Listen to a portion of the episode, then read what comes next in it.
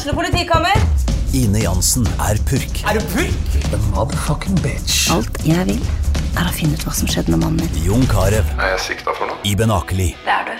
Ole So, Lars Berrum og Big Daddy Karsten. Hvem sin side er du på, egentlig? Anette Hoff, Tone Danielsen, Kommer du fra Afrika?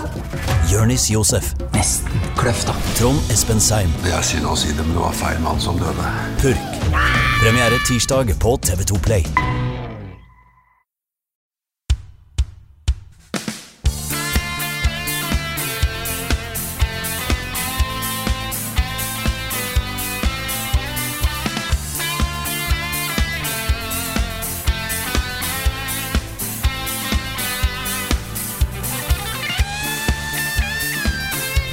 Har vært en eh, solid kamp her nå. Vi har danka ut 57 andre personer. Vi er tre stykker igjen som er klar for å kjøre finalelevelet for å få Yeah. krona.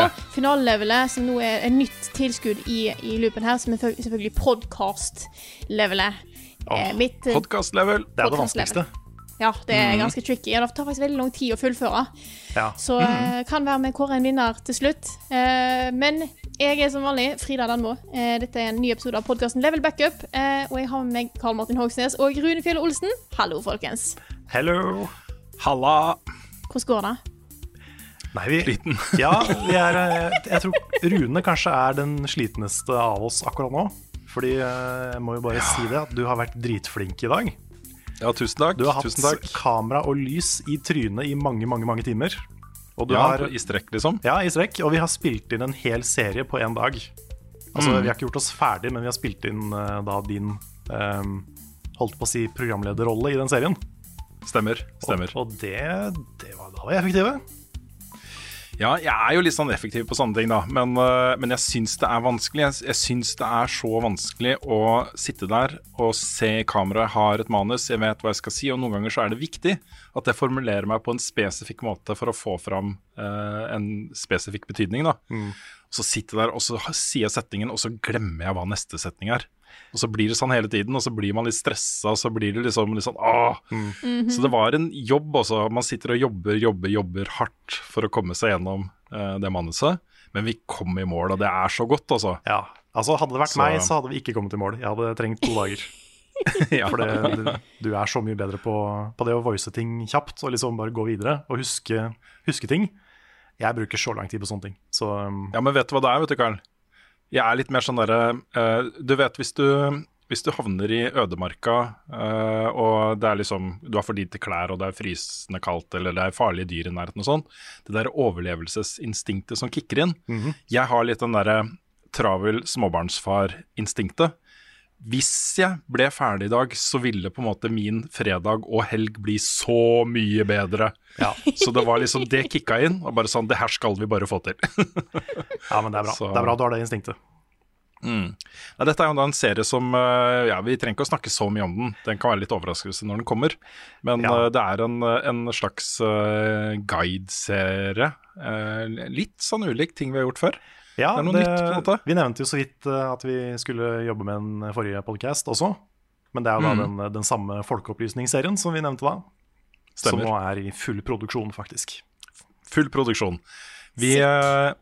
regner med at første episode kanskje kommer ut sånn helt på slutten av august, faktisk. Så Men vi har det avklart, eh, vi har ikke helt avklart hvor den kommer. Nei, det har vi ikke. Så det, får, det kommer vi det tilbake til. Mm. Ellers må jeg nesten, eh, kan jeg få lov til å ta et lite spørsmål her også? Fra Det, en, er, eh, det går lytter. greit. Det Kjør på. greit. Det er fra Niklas Faråsen, som spør det viktigste spørsmålet som har dukka opp nå i løpet av uka. Noen av dere som ser fram til å se Tenet. Oh. Nå har norgespremieren eh, blitt lagt ut, liksom. Billettene ble lagt ut midnatt her om dagen. Jeg var rett på, jeg også. Jeg hadde jo et stort uh, problem, da. Skal jeg velge liksom den der fine 70 mm visioningen på Cinemateket? Nå snakker jeg litt sånn her blærete. Jeg mener ikke Ja. at det Altså, det kunne jeg gjerne finne på å gjøre, da. Du må ta et sånn tungt pust inn, og så Ja. Og så bare Eller, Ja, mm. eller skal jeg sitte i luksussetene på Imax og bare få hele tennet midt i trynet og huet og alt, liksom? Jeg valgte Imax, altså. Jeg gjorde Du valgte tennet i trynet. Jeg tenner til trynet, jeg gjorde det. Ja. Men gud bedre som jeg gruer meg. Altså, nå har jeg vært på kino to ganger på St. Christopher Nolan-festival eh, på IMAX. Ja, du sa 'grue meg'. Eh, Ø, ø, sa jeg grue meg? Ja, du gjorde det, så jeg Du lurer veldig på hva du gruer deg til. Vet du hva, Så sliten er jeg så sliten er jeg at, mi- at følelsene mine blir litt motsatt. Ja. Jeg trodde du skulle si at du gruer deg til de ekstreme følelsespåvirkningene Nei, du nei, kommer til å få. Nei, ok, nei. Nei, men jeg gleder meg helt sjukt til dette her. Og jeg har sett uh, Interstellar og uh, um, uh, Inception på IMAX tidligere i sommer, på sånne Christopher Nolan-festival på IMAX. Og begge gangene viser du trailer for Tenet, og der sitter jeg liksom Jeg har ikke sett noen bilder fra de trailerne, men jeg har jo hørt alle de lydene, ikke sant? Så det blir godt av å sette den filmen nå, altså. Nei, jeg skal få sett den, men jeg har jo Jeg har fortsatt aldri vært på IMAX. Nei, ikke jeg heller. Eller jo, den, den, liksom- nå ljuger jeg. Jeg har vært der én gang. Ja, det er det. Altså, jeg var på IMAX nå først for uh, ganske nylig. Jeg tror første IMAX-filmen jeg så, var uh, John Wick 3. Um, og det, det var en åpenbaring for meg, altså. Uh, tidligere så hadde det bare vært 3D-filmer der, og da ville jeg heller se den på en vanlig kino enn uh, hvis jeg må se den. Altså, jeg vil ikke se den i 3D. Uh, og Siden den gang så har det faktisk kommet da ganske mange filmer på IMAX. Og jeg syns det er en så fantastisk opplevelse. Fordi det, noe av det jeg elsker med å gå på kino, er på en måte er den skjermen. Også den størrelsen på den, og at den fyller hele, hele greia, liksom. Også er så svær. Det blir så stort. Stor opplevelse. Og det, ingenting er da større enn IMAX. Altså Den skjermen og den opplevelsen og følelsen å komme inn i disse bildene er så sterk, da. Ja, for hva Så, er um, forskjellen?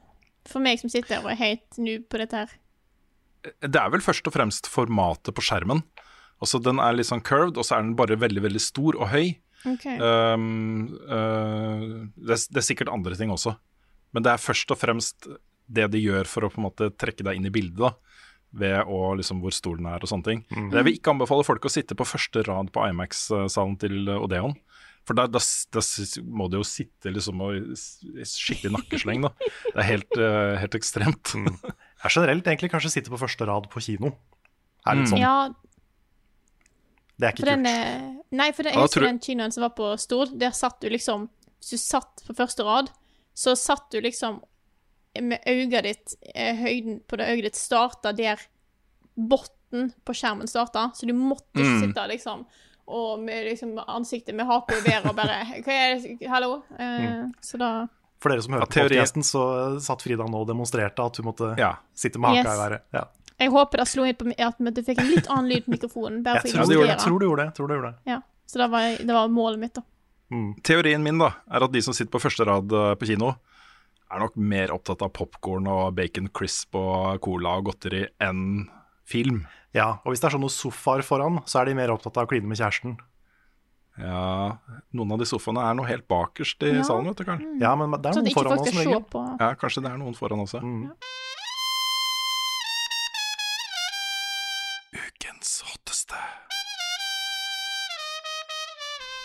Det er jo ikke bare én, men to ganske hotte eh, konsollanseringa denne høsten. Og vi har jo egentlig bare sittet og venta på når vi får mer info. Nå er Microsoft på banen og har kommet med release date for sin nye konsoll, Xbox Series X.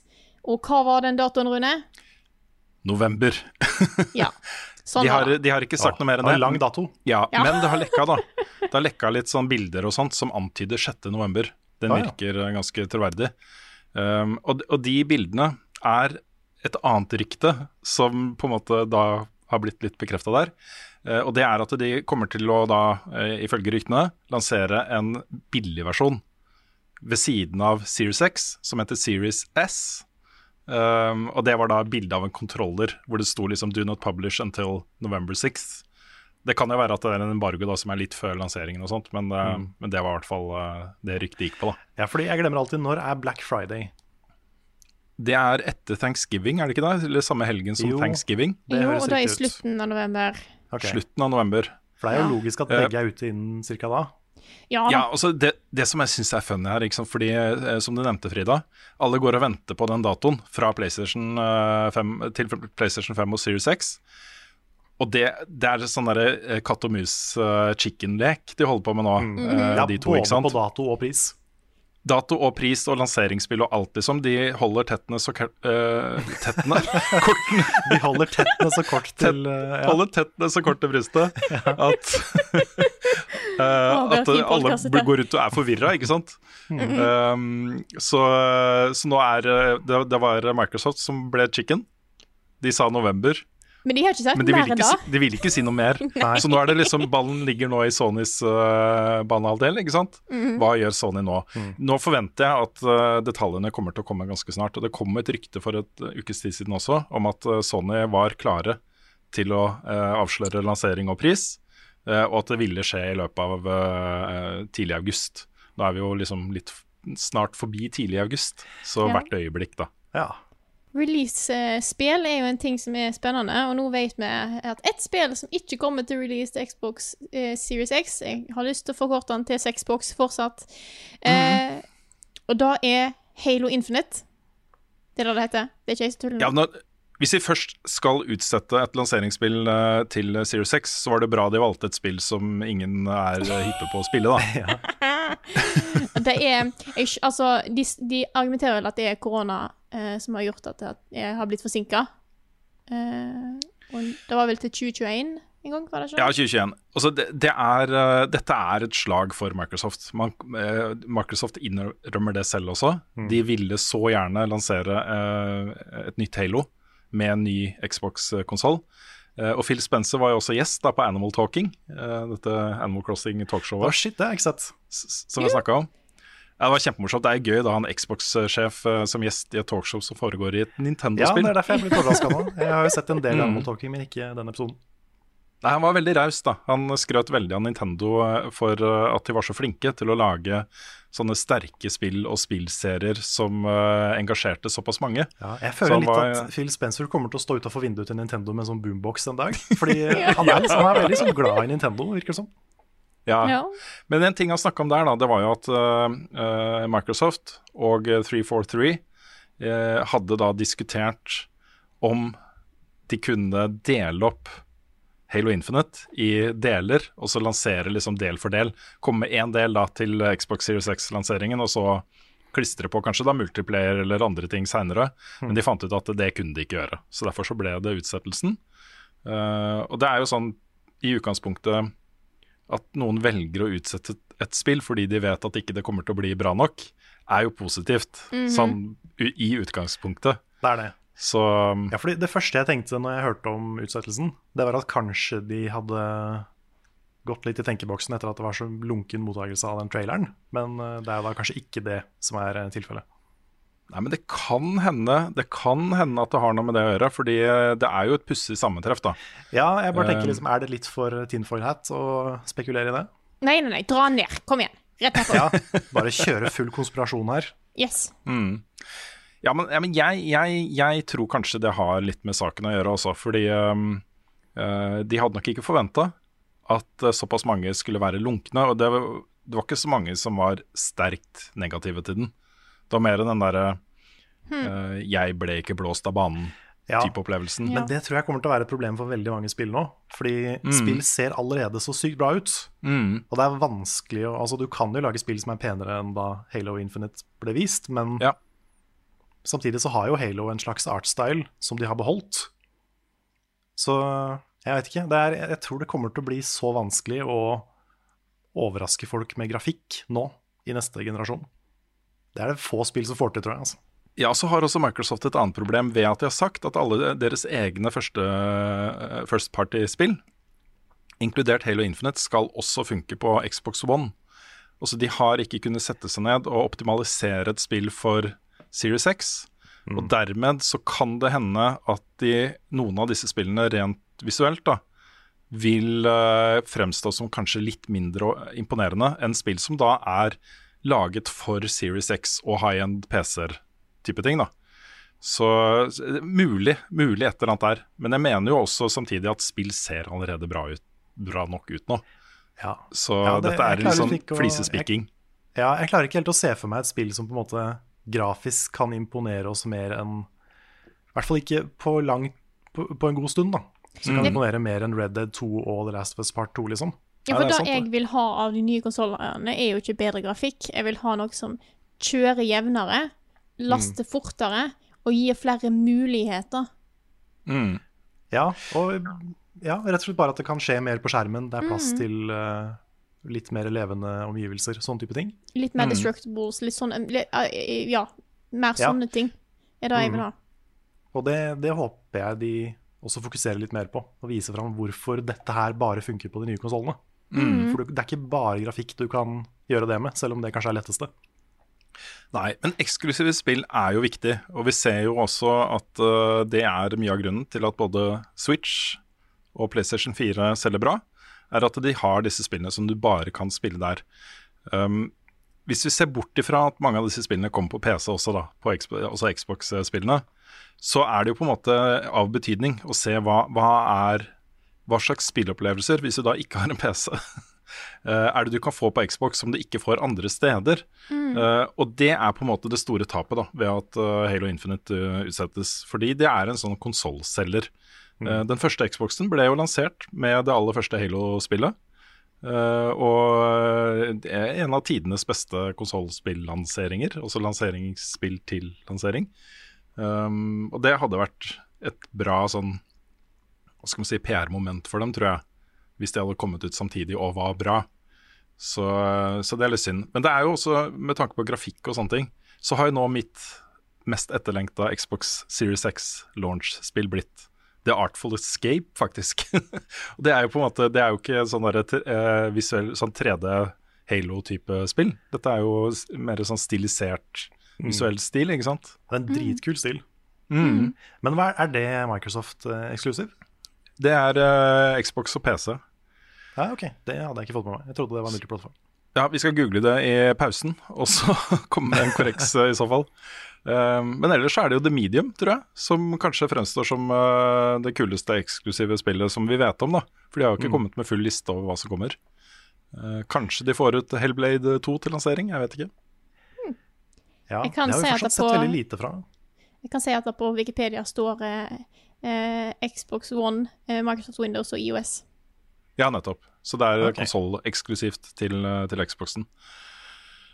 Um, så um, ja, jeg er spent nå også på å se full lineup uh, fram mot jul. Det er, uh, det er ganske viktig. Men det er, uh, det er ikke avgjørende for uh, en konsolls uh, verken suksess på sikt eller levetid.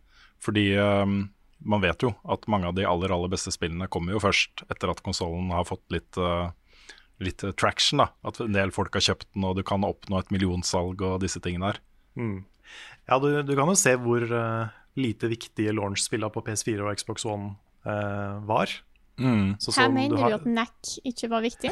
Nei, NAC var selvfølgelig et unntak, det var kjempeviktig. Ja. uh, men du hadde liksom Killzone Shadowfall, som var liksom OK, men tror jeg mange har glemt litt. Ja. Og så hadde du det der på Xbox Rise, Son of Rome. Mm, Og det også har gått liksom helt i glemmeboka. ja. Så ja.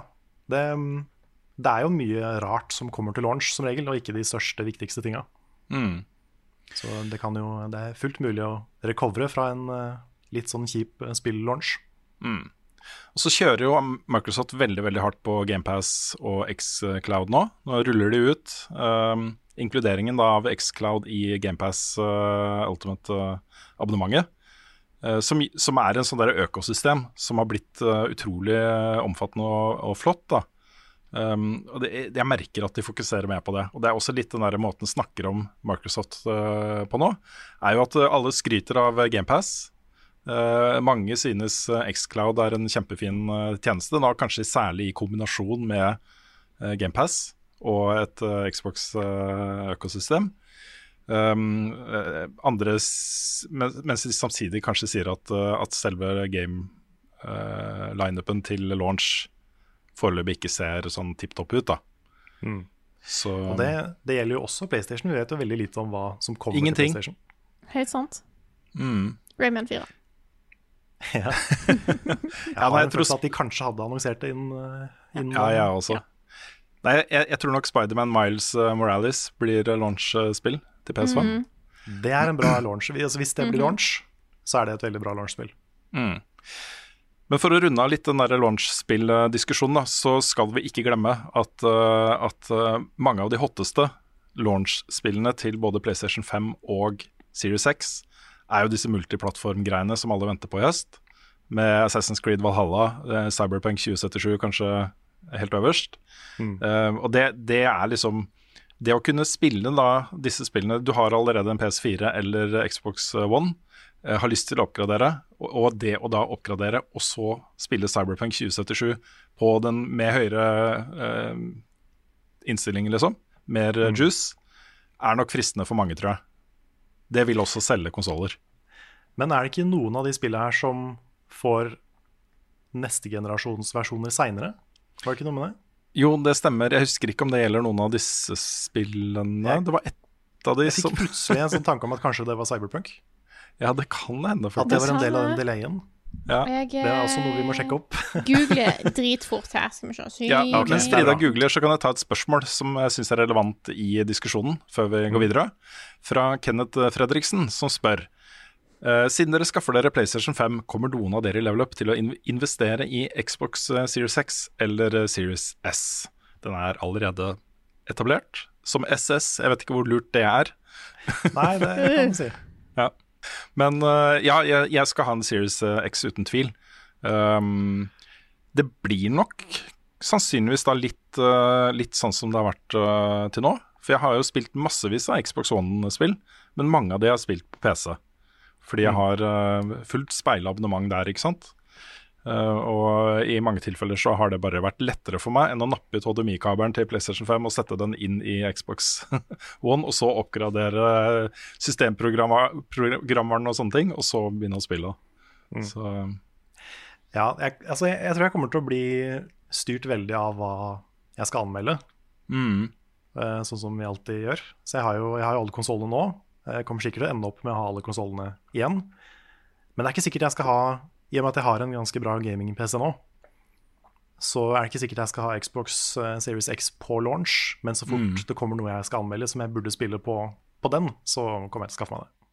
Ja, for akkurat nå for meg, så lenge ikke det er, er noe Så lenge jeg kan spille alt jeg vil og har lyst til på PC-en min, så, som jeg har Som jeg, jeg har brukt mye penger på, og som jeg kommer til å bruke mye penger på de neste årene, tror jeg, så er det ikke like Jeg ser ikke Xbox uh, Series X eller S lyse opp foran meg som det, uh, det beste valget for meg. Jeg tenker jo da sånn i utgangspunktet så bør jo du og jeg, Carl, ha hver vår, og bruke de når det er eh, muligheter til å gjøre det. Eh, Rett og slett for å holde litt eh, oversikten. Eh, det jeg er mest in, eh, nysgjerrig på da, og interessert i når det gjelder Xbox nå i høst, det er dette økosystemet med GamePass, uh, Xcloud. Til og med vurderer jeg å skaffe en Android-telefon, fordi Apple eh, har jo blokkert eh, Xcloud på, på IOS. Og det er liksom Stemmer. det er uh, dick move, men um, sånn, sånn er det. Jeg vet ikke om jeg har snakket om det, men jeg eh, fikk jo Jeg testa Xcloud eh, i sånn ti minutter. Bare sånn Ja. for å teste hva er dette her for noe. Og det er en god stund siden nå, da. Eh, rett før sommeren, tror jeg. Så jeg tenkte OK, la meg kjøre på dette her, for jeg har jo Android. La meg se. Og la oss ta et spill som jeg vet er viktig at det er snappy. Så jeg kjørte på Ori. La funka fjell. Ja. Ja. Så Kult. Men så har jeg egentlig bare glemt ut at jeg har det. Mm. Så Fordi at jeg så at eh, i hvert fall da så lå Hellblade der, så det kan være at da går an for meg å spille på en liten skjerm istedenfor på en stor. Mm. Derfor jeg husker da disse tingene begynte å komme, så var det jo sånne ting folk snakka om. At dette kom til å bli så bra. ikke sant? Du kan sitte og spille på PC-en din, og så kan du, eh, må du dra ut et møte, ikke sant. Så du må ta bussen et sted, men da kan du bare fortsette akkurat der du slapp på iPaden din eller telefonen din. ikke sant? Og så er du på besøk hos en kompis, og da kan du bare sende det over til skjermen hans ikke sant? og sitte der og spille. Og så den tankegangen da, om at du hele tiden har tilgang til dine favorittspill på den måten, har vært en sånn der ting for, mange har snakka om. Jeg vet ikke hvor interessant det er for folk flest, altså. Men Nei, eh, er litt jeg, er, jeg er fortsatt litt nysgjerrig på det greia der, liksom. Ja, jeg har lyst til å jeg har lyst til å ha det når det er helt perfekt. Og hvis nå Xcloud er det, da, så er jo det kjempekult. Mm. Men eh, jeg tenker på sånn som uh, Remote Play på Vita. Uh, nå, har jeg, nå fikk jo vi Vitaer i VG. Og det har jeg brukt sånn et par ganger mens jeg har vært hjemme til jul og sånn. Men det har liksom ikke vært en sånn stor ting jeg har brukt mange timer på. Nei. Jeg foretrekker fortsatt å sitte liksom i sofaen på TV-en med der jeg, der jeg spiller, liksom. Mm. Ja, jeg gjør det sjøl, altså. Og så har jeg andre spill på mobilen min som er liksom bedre egna for å sitte på bussen eller eh, hva det skulle Ja. være. Ja. Men det er, jo, det er jo forskjell på folk, da. Sånn som jeg kjenner veldig mange som nesten bare bruker switchen sin håndholdt. Mens jeg er helt motsatt. Jeg bruker den nesten bare på TV-en. Mm. Og så har du jo de som eh, Altså, nå, det blir jo litt sånn eh, alt her likevel, men eh, I sommer fant jeg ut at eh, tanta mi savner å spille spill. Hun har spilt veldig mye opp gjennom tida, vært skikkelig gamer, som hun sjøl kaller seg. Eh, og, men hun har ingenting å spille på nå. Så hun lurte på om jeg visste om noen gode mobilspill eller et eller annet sånne ting. For kanskje prøve å komme seg litt inn igjen. Og hvis, jeg vil tippe at det er noe Altså, det er ikke alle som har fullt oppsett med gaming-PC eller konsoller. Da er det jo da å kunne ta opp et skikkelig bra spill på en telefon Mm. eller iPad, er jo genialt. Mm. Ja, det kommer jo veldig an på spillet, men det er jo noen spill som funker helt fint å spille på en touchskjerm og sånn type ting. Ja, ja. Yes, jeg vet ikke om vi trenger å oppsummere litt. Jeg, jeg er, jeg er øh, veldig, veldig spent nå på hva de neste par ukene bringer. Fordi nå kommer vi til å få lanseringsdato og eh, pris på begge disse konsollene. Og det må jo skje nå. De, de kan jo ikke vente så mye lenger. Hei, Så i hvert liksom. Ja, Ja. Mm. Hvert øyeblikk, eh, folkens. Det er om den kom på lanseringsdagen, og så får du en overraskelse av hva den koster. Ja. Ja.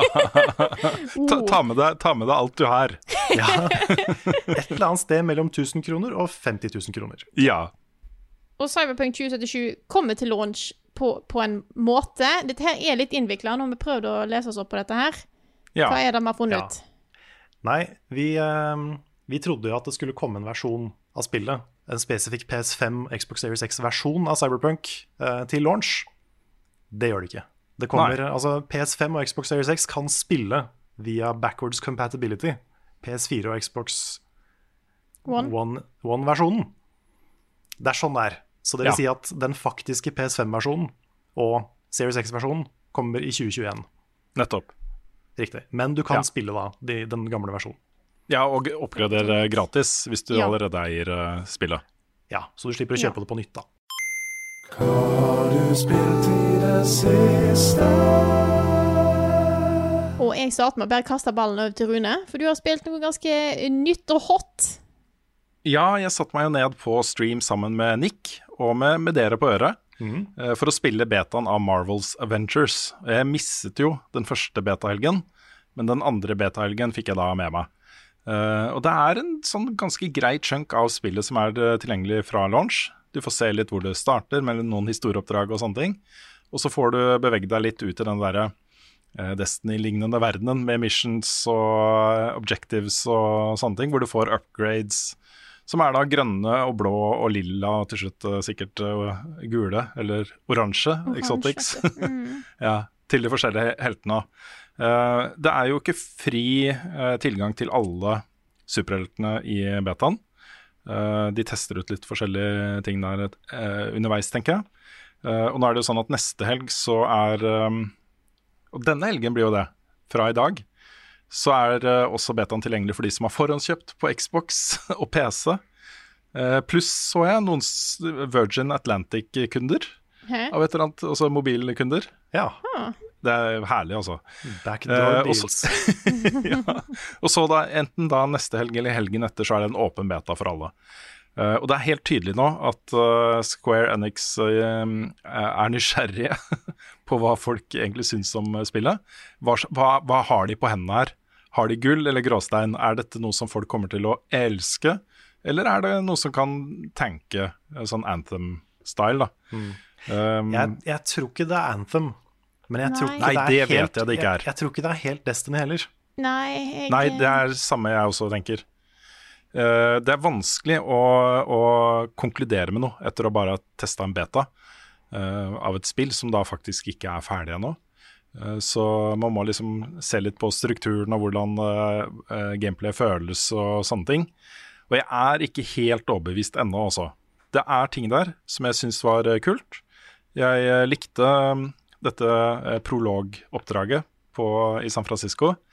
Eh, jeg likte også de, eh, elementene hvor du spiller da som vekselsvis Kamala og Bruce Banner slash The Hulk, og må veksle litt mellom de to gjennom disse oppdragene. Det er noe der som jeg syns er gøy, altså.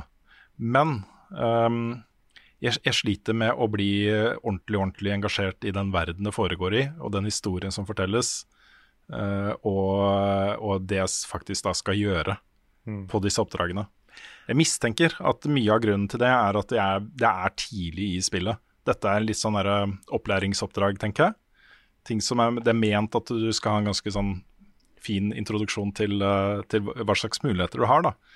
Um, så, så det jeg håper, eh, og det jeg tror kan være litt redningen for eh, opplevelsen, er at du et, etter hvert så får du litt mer omfattende oppdrag, hvor du må samarbeide godt med faktiske venner eh, for å løse dem best mulig. Eh, og da, da kan på en måte dette spillet skinne litt, altså. Men eh, har ikke sett så mye av det ennå. Jeg er litt sånn avmålt. Jeg, jeg vet liksom ikke helt. Nei, Jeg ble ikke er, helt eh, solgt under streamen, må jeg si. Nei, jeg ble mer interessert etter streamen enn jeg var uh, før jeg så noe særlig fra det. Mm. Jeg synes det, så, det var ting der som så kult ut. og Jeg, liksom, jeg er veldig glad i Avengers-filmene. er Det, det er mye der som er veldig meg. I hvert fall når det er en Mm. Destiny-type spill som ikke har fokus på skyting. Det er en ting som appellerer veldig til meg. Mm. Men um, de har noen ulemper her, da, med liksom at både de ikke er filmversjonene av Avengers, som alle kjenner nå, eller comic-versjonene for den saks skyld. Det er på en måte en ny versjon av Avengers. Mm. Uh, og i tillegg så har det jo masse loot. Det virker som det er litt loot-basert på samme måte som da loot-spill som Destiny. Oh, ja. Men ulempen her er at lootet ikke er kosmetisk. Og det Mm. har en del å si for de som er veldig opptatt av å samle ting i spill. Mm. Jeg tror det kan ha en effekt på liksom hvor gøy det er å faktisk få nye ting. Da. Mm. Du får jo skins til karakteren din, og det er jo veldig kosmetisk, men Ja. det, har liksom ikke, det er ikke noe sammenheng mellom bedre ting og kule, nye visuelle ting. Mm.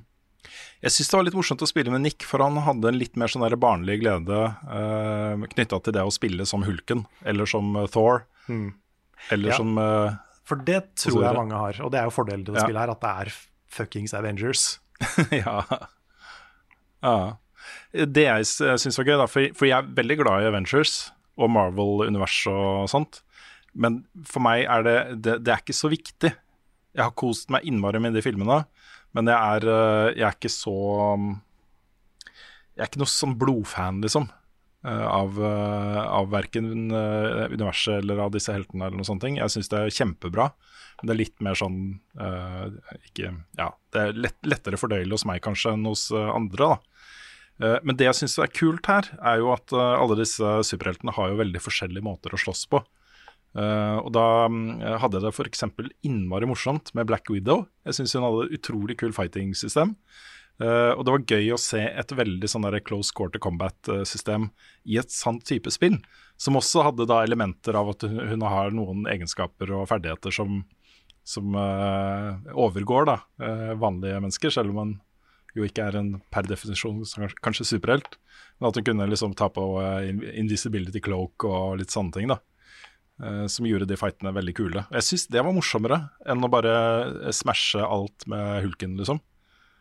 Så um, kanskje det blir litt sånn, da. At du finner deg en, en superhelt du elsker å spille som, og får liksom en uh, veldig kul opplevelse med den.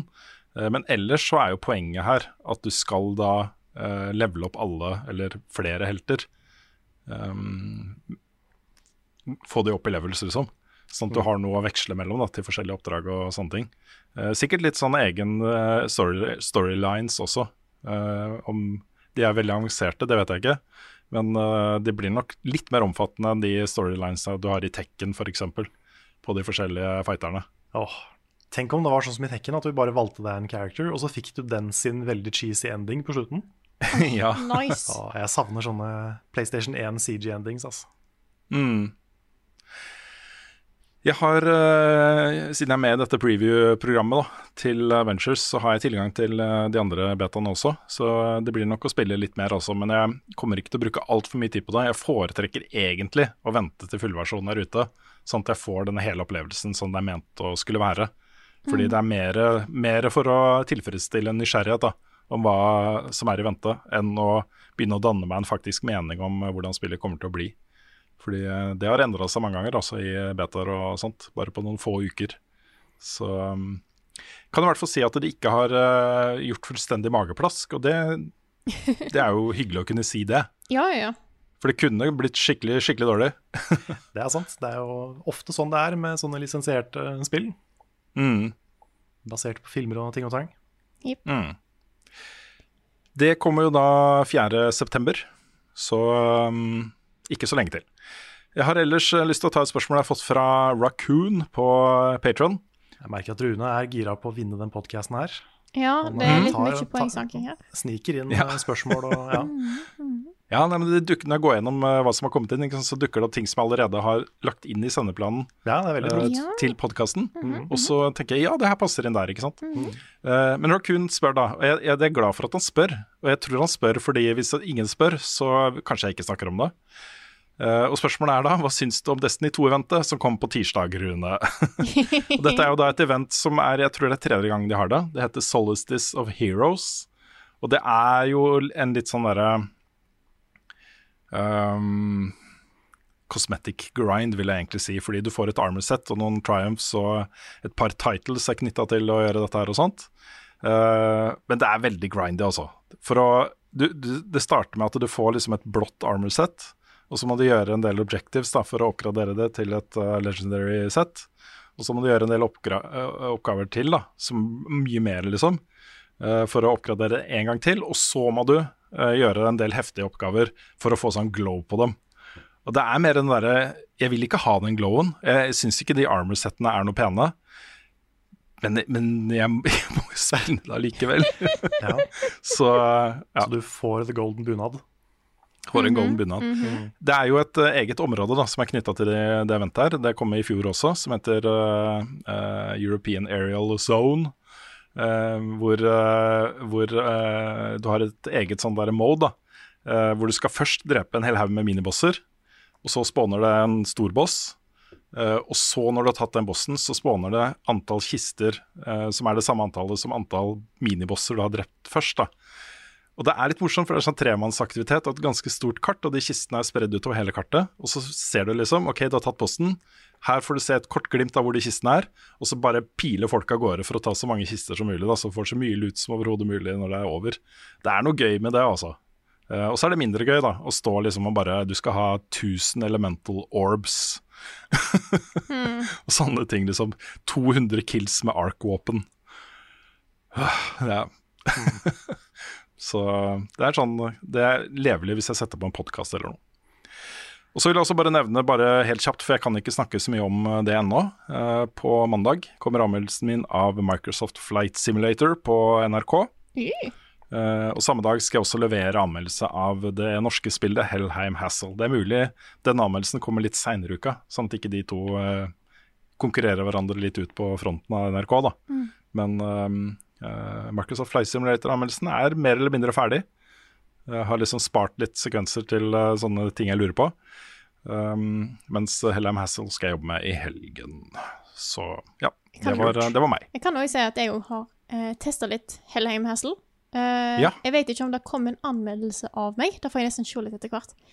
Uh, men eh, jeg kommer i hvert fall til å snakke om det neste podkast, tenker jeg. Mm. Det er et, jeg syns det er et kjempeinteressant spill også. Jeg, han Aasan, han som er eh, på en måte sjef for dette spillet her, og også Manuel Samuel, som var det første spillet til eh, dette studio. Jeg møtte jo han eh, Jeg var dommer på en sånn eh, studentkonkurranse på høyskolen i uh, Hamar. Hvor uh, hans eh, av, Hva heter det sånn Avgangsspill?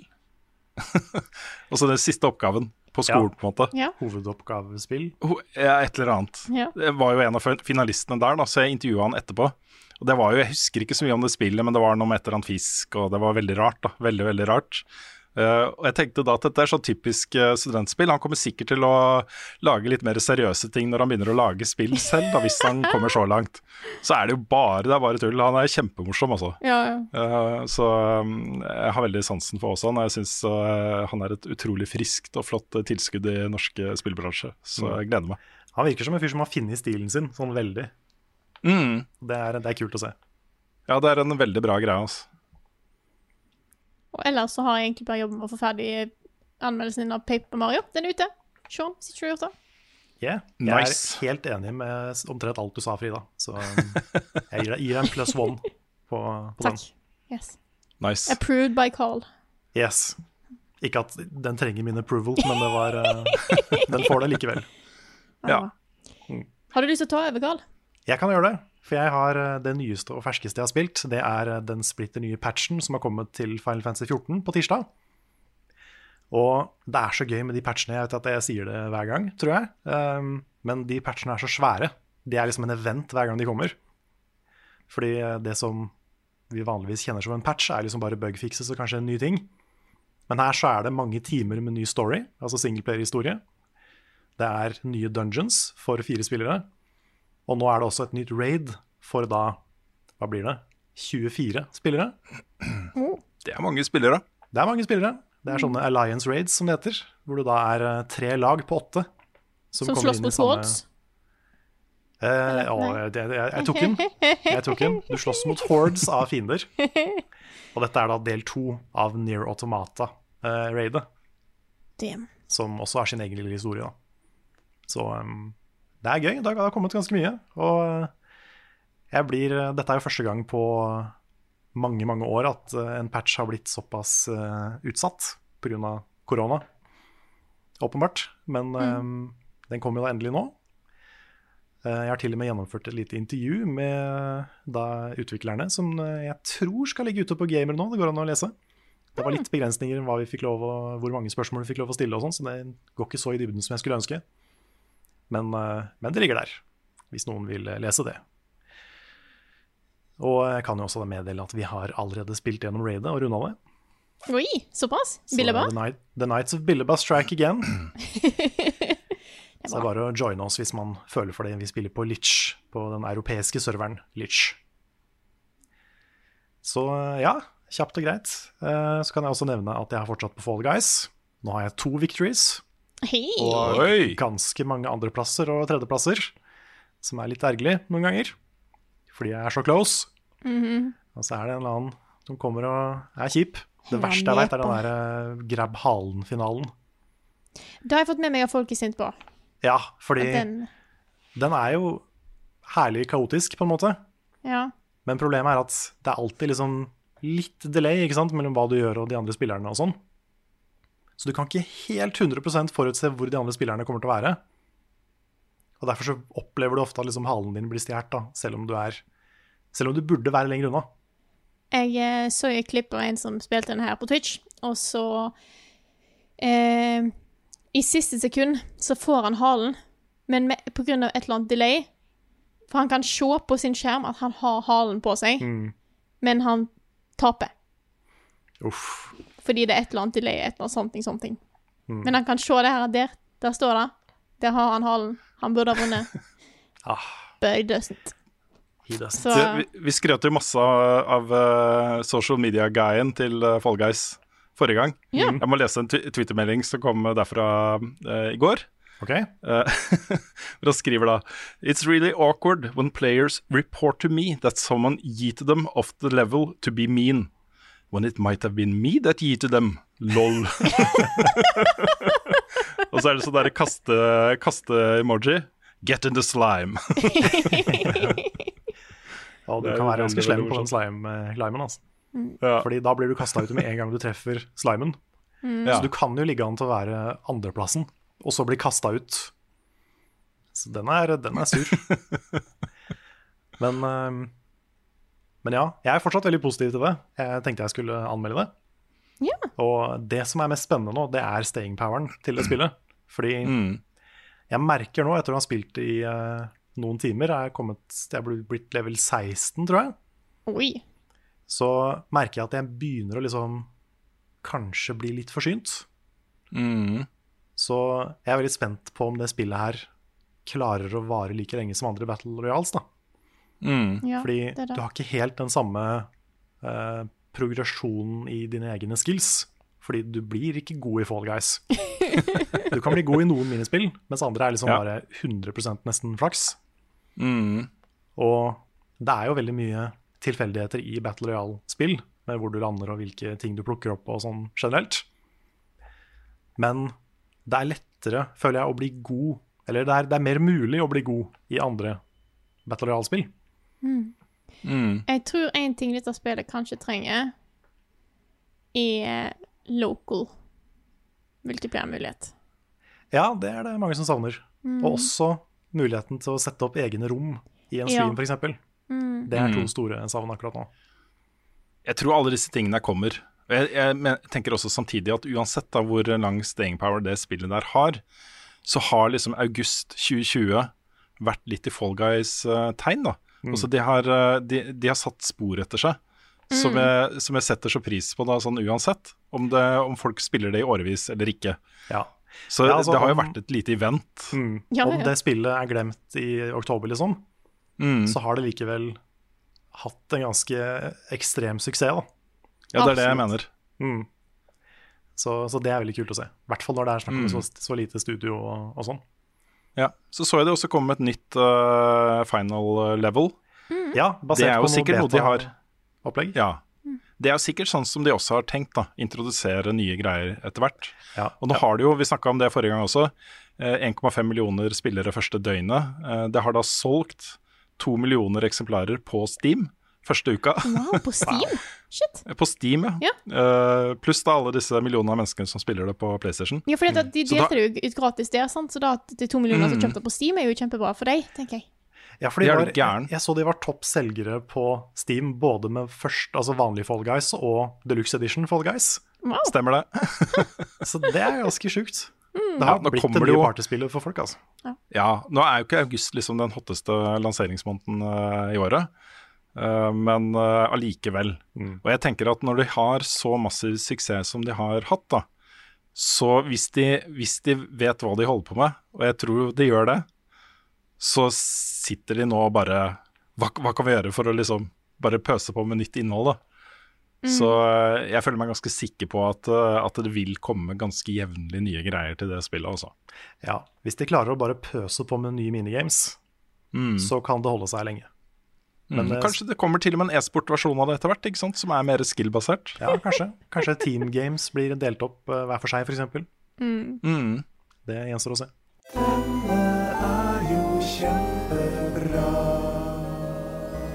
Ukens anbefaling. Jeg skal jo selvfølgelig sanke poeng for å vinne denne podkasten her, så jeg har en anbefaling uh, for, for i dag. Uh, det er en podkast som jeg har begynt å høre på. Eh, jeg fikk den anbefalt av noen andre. Eh, jeg, det er det jeg er god på. Videreformidle anbefalinger jeg har fått fra andre. Eh, Dette er en, en NRK-podkast. Eh, dette er podkasten som heter Hele historien. Det er NRK som har en del små, jeg tror de kaller det radiodokumentarer, om saker som ryster Norge. Så han tar for seg historier som har skjedd, eh, eller ting som har skjedd i Norge, som ble veldig stort, og tok opp veldig mye medie sånt i det det kom. Eh, men istedenfor at det er én person som sitter i studio og så snakker litt om ting, og så er det noen andre som sitter der og reagerer litt, og sånne ting, så er det en faktisk bra eh, produsert dokumentar der du har fortellerstemmer, og nesten eh, Og så snakker de med de som var oppi det. De som var involvert, eh, de som opplevde det, og sånne ting. Eh, den har jeg hørt mye på de siste, denne uka her, så jeg er langt ifra på en måte å høre alle, men jeg syns de er så bra at jeg ville anbefale dem. Eh, og jeg kan se at noen av de som er her, er blant annet eh, handler om Sleipner-forliset, som var jo et, et, et, eh, hurtigbåt som gikk på grunn rett ved der jeg eh, bor. Eh, jeg hørte i dag eh, historien om EU-striden som splitta Norge. Eh, og ja. blant annet eh, historien om da en fyr tok opp kampen mot pornoloven i, i Norge. Så det er veldig mye sånn interessante historier som jeg har hørt om, men som jeg ikke nødvendigvis vet så mye om. Mye fordi at dette skjedde jo mens jeg var ganske liten, mange av disse her. Men det er litt interessant å høre eh, høre noen gå så i dybden på, på historier som, var veldig, som ble veldig store i Norge. Eh, Jeg må si at jeg, jeg, jeg hater sånne podkaster der det bare sitter en eller annen i studio og så snakker om ting, og så er det et par andre som bare reagerer. Jeg hater sånne podkaster, altså. Gjerne hvis det er sånn utrolig sånn mørke, fæle temaer, men så snakker de veldig sånn lystig om det. Ja. Ja. Jeg, jeg kom med en liten self-burn. Ja, Det var eh, ja, det er nå derfor. er ja. Nei, men jeg har hørt en del uh, sånne podkaster òg. Jeg har jo blant annet eh, Behind the Bastards som jeg hører på, som er på en måte sånn å fortelle litt historier rundt personer. Men denne her er veldig Mm. sånn jeg, føler, jeg er veldig glad i dokumentarer. Dette er, NRK er jo gode. Uh, så derfor jeg ville bare anbefale ta en, eh, ta en kikk. Alle er jo selvstendige, så du kan jo høre på de du sjøl vil, de historiene du kanskje er interessert i å høre litt mer om og sånne ting. da. De har jo sjukt gode spillanmeldelser også. Ja, det har de, altså. ja, det er en bra fyr som var der, ja. Mm, Bra de fikk den. Ja. Nei, så ta og Sjekk ut eh, hele historien. Den uh, fins nok på en podkast-app nær deg. Og hvis du hører på den her, så vet du nok hvor du finner podkaster, vil, jeg- vil jeg tippe. Her kommer nyheter med Rune Fjell-Olsen, og han har ikke hår. Jeg må starte med en uh, nyhetssak som um, fikk litt sånn ufortjent pepper, syns jeg, da da den dukka opp. Fordi uh, uh, Rocksteady Games, skaperne av denne fantastiske Batman, Batman Arkham-serien, uh, har nå avduka sitt neste spill, og det blir da Suicide Squad. Det ble da avduka bare med et bilde av Supermann med en sånn derre target på hodet. Og så står det bare et eller annet det, det er ikke noe informasjon, da. Men dette var jo bare en teaser for avdukingen. Dette var jo ikke avdukingen. Dette er liksom, Den 22. august så er det et sånt event som heter DC Fandom, hvor uh, dette spillet skal avdukes. Så um, bare uh, vær litt roligere i nikkersen, folkens. Det, uh, dette er Rocksteady. De er dødsflinke, og de skal lage et Suicide Squad-spill. Og så kan du vente til det faktisk er vist fram, da, med å bli sure. Det er, det er liksom, ja Nei, nei, nei, nei, nei, det er viktig. Så med en gang du ser, med en gang du ser en mulighet til å være sur, ta den. Kjør på. Ja. Ah. If you can mad, you must. ja. Mm. Men det kan jo da tyde på at uh, selveste Suicide Squad uh, skal prøve å ta Supermann. Det kan bli spennende, det altså. Kan det? Mm. Men er det da in universe? Er det, det samme, de samme karakterene som i Arkham? Uh, nei, det var vel ikke så mange av Suicide Squad som var med i Arkham-spillene, var det det? Det var noen. Harley og Ja, stemmer det. Jeg tipper at det utvider det, altså. At det ligger nærmere de nyere filmene, tenker jeg. I uh, rollegalleriet og sånt. Ja. Det håper ikke jeg, Kanskje. men kanskje. I don't know. Don't Men know. uh, jeg er veldig spent på hva Rocksteady gjør. Det er et uh, kremstudio. Mm. Så jeg er mer, mer excited for den enn den neste Harley Quinn-filmen, f.eks. Ja. Selv om jeg likte, likte den nyeste Harley Quinn-filmen. Ja, Birds of Prey har jeg ikke bra. sett. Jeg tenkte på den første Suicide Squad-filmen. Ja, nettopp. Den var ikke så bra. All right. Nei, vi hopper litt videre. Dette er egentlig en ny- nyhetssak som vi kommer litt tilbake til, på en måte, men jeg tar den her. Eh, fordi det var jo um, uh, dette State of Play til, uh, til Sony. Eh, kom jo da rett etter at vi spilte inn forrige podkast. Så, så da fikk vi ikke snakke om den, så jeg tar med litt om det til slutt, da. Eh, men et av de spillene som ble vist fram der med en ny trailer, var da eh, denne AWE og utvidelsen til Control som kommer nå. den 25, 27. august kommer det. Det er en crossover med Alan Wake-universet. Så eh, AWE står da mest sannsynlig for Alan Wake Experience, eller Expansion, Expansion, vil jeg tro. uh, nyhetssaken her da er jo at, uh, at Remedy har gått ut og sagt at for å få denne gratis oppdateringen av spillet til PlayStation 5 og Series X, så må du ha det som heter Ultimate Edition av Control. Den koster uh, rundt 300 kroner nå, tror jeg. 300-400 kroner. Så det er ikke sånn at eh, har, hvis du eier Control, og det ikke er Ultimate Edition, så får du da altså ikke den gratis oppdateringen. Det har vært såpass mye kritikk av dette her at jeg regner det som kanskje litt sannsynlig at de snur. At de eh, eh, kommer til å inkludere også gamle versjoner. Vi begynner å se nå eh, eh, faktiske konsekvenser, tror jeg, da, av alt oppstyret rundt Ubisoft eh, de siste ukene og månedene. med alle disse historiene om eh, mannlige sjefer og måten de har holdt på der i årevis. Eh, nå kommer det da en, eh, en prequel til Assassin's Creed Valhalla i form av en comic book series eh, som heter Song of Glory. Og Der kommer det da fram at det er den kvinnelige Eivor som er canon. Det er hennes historie. Du får se da eh, forhistorien til Eivor. Den kvinnelige Eivor. Uh, og i forbindelse med den nyheten slapp de også en trailer som var ganske lik da, den forrige traileren de slapp.